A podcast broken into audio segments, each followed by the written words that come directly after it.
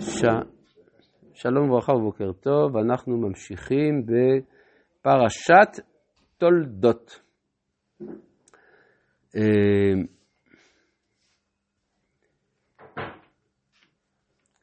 פסוק כ"ז, כן, פרק כ"ה, פסוק כ"ז בבראשית. ויגדלו הנערים, ויהי עשיו איש יודע ציד, איש שדה, ויעקב איש תם, יושב אוהלים.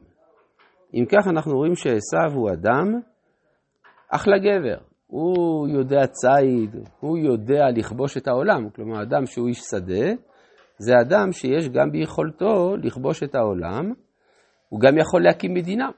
והרי הפרויקט של האבות הוא פרויקט לאומי, כן, להקים מלכות. ויעקב איש תם, תם, שלם, יושב אוהלים, ואז יוצא שאין לו כל כך עוצמה. כן, יושב אוהלים, אז יש כל מיני דרשות, גם לפי הזוהר, בין אוהל אברהם לאוהל יצחק, שהוא אה, איש הייחוד של המידות, ייחוד המידות, אחדות הערכים, אפשר לקרוא לזה, הוא בין שני אוהלים. אבל לכל פנים הוא יושב. לשבת, הכוונה שהאדם לא מתקדם.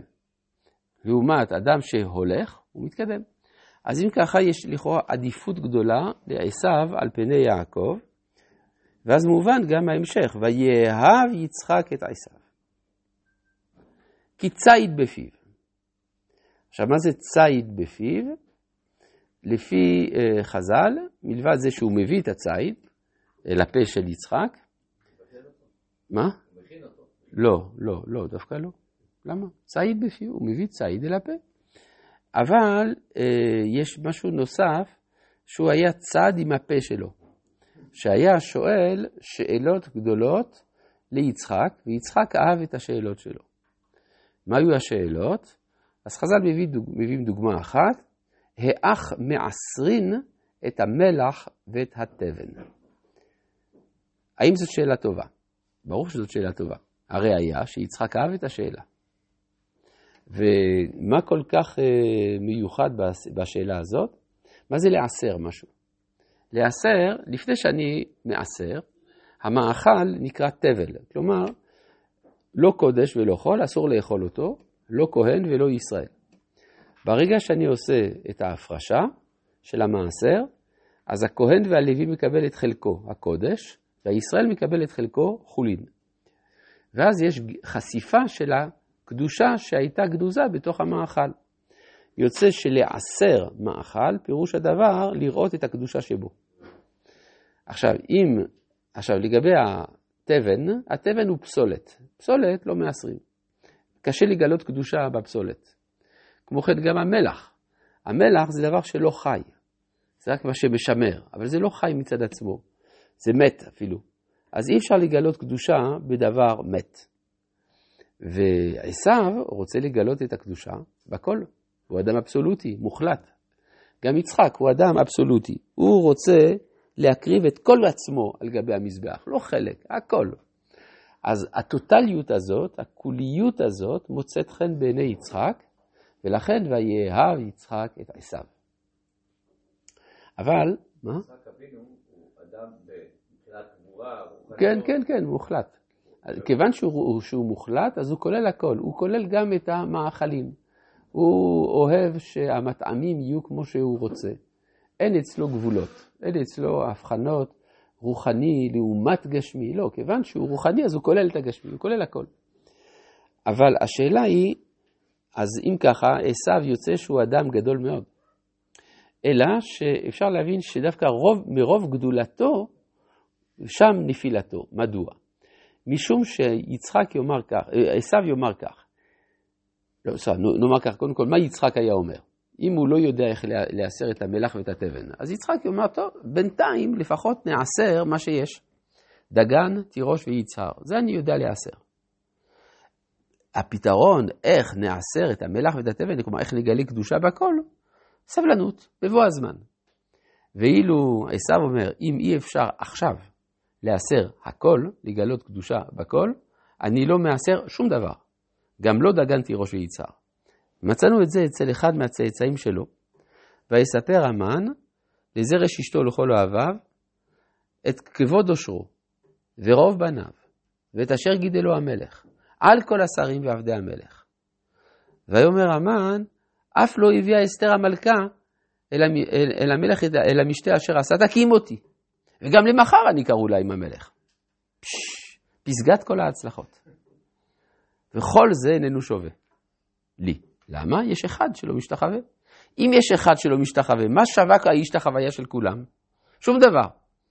כן? ומזה הוא נופל. כלומר, המוחלטות היא, איננה, כלומר, זה המשמעות של עשיו, עשוי, מונעת את ההערכה של העקיבה. כן? כלומר, זה יעקב, הוא עוקב אחרי הקדושה, אבל באמת יעקב מסתפק במועט, הוא אדם יותר קטן. ורבקה אוהבת את יעקב. תמוה מאוד, למה? הוא כזה חלש. אלא מה? מוכרחים לומר שרבקה אוהבת את יעקב כי היא יודעת מה שהוא עתיד להיות.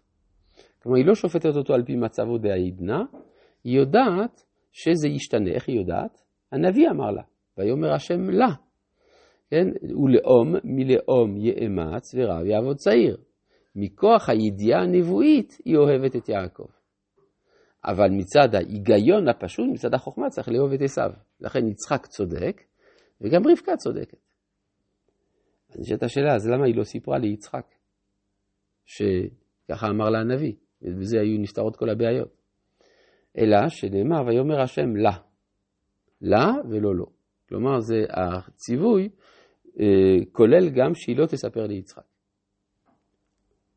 ויזד, פסוק כ"ט, ויזד יעקב נזיד, ויבוא עשיו מן השדה, והוא עייף.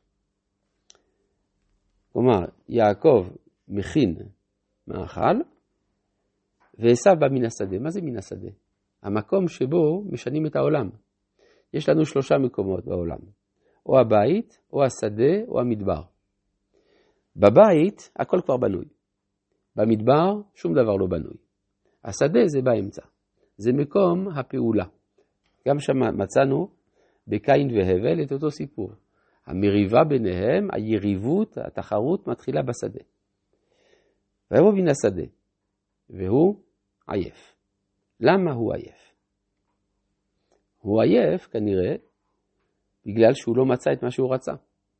הרי מה הוא רוצה? איך מאסרים את המלח ואת התבן? הוא רוצה אם כן עולם מוחלט ולא מצא. כן, זה גם נאמר בפרשת עמלק, ואתה עייף ויגע ולא ירא אלוהים. השאלה מי זה לא ירא אלוהים? אם זה אתה או שזה עמלק. אז לדעת רש"י זה עמלק שלא ירא אלוהים. לדעת האבן עזרא זה אתה, ישראל, לא ירא אלוהים. יכול שזה קשור אחד לשני, בסופו של דבר. ויבוא עשיו מן השדה והוא עייף. אז מה עושה אדם שלא מוצא אידאל? הוא מבקש את ההווה. ויאמר עשיו אל יעקב, על עיתני נא מן האדום. האדום הזה. מה זה אדום הזה? כלומר, על עיתני נא זה ללא מאמץ. למה אדום? עדשים, לפני שמבשלים אותם, הם עדיין אדומים. אחר כך הם משנים את צבעם. אז הוא רוצה כשזה עוד לא מבושל. זה המשמעות של האדום, האדום הזה, שזה גם לפי הפסיכולוגיה, הצבע של התאווה. וכי עייף אנוכי. מי עייף? אנוכי עייף. מי זה אנוכי? למדנו שרבקה שמעה, אמרה, למה זה אנוכי. או שהילד הזה, אלוהיו הוא הקדוש ברוך הוא בשם זה, כלומר אלוהי העולם הזה, או שהאלוה של הילד זה אנוכי, אלוהי העולם הבא. עד שבסוף היא מגלה שהם רבים בנחלת שני עולמות. אז כאן הוא אומר, אני, כיוון שהתייאשתי מאנוכי, אני רוצה את זה. עליתני נא מן האדום, האדום הזה, כי עייף אנוכי. על כן קרא שמו אדום, כלומר מתאים לו השם שנתנו לו אדום. ואז צריך לראות מה עושים במצב כזה.